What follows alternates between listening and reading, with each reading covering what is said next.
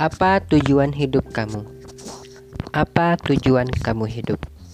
Sekolah, kuliah, kerja, menikah, punya anak. Lalu tujuan anakmu nanti bagaimana? Begitu lagi. Bukan. Tujuan hidup bukan sekolah, kuliah, kerja, menikah, dan punya anak. Wa ma khalaqtul jinna wal insa illa liya'budun. Dan Allah tidak menciptakan jin dan manusia melainkan agar mereka beribadah kepada Allah. Tujuan hidup kita, tujuan kita hidup adalah untuk beribadah.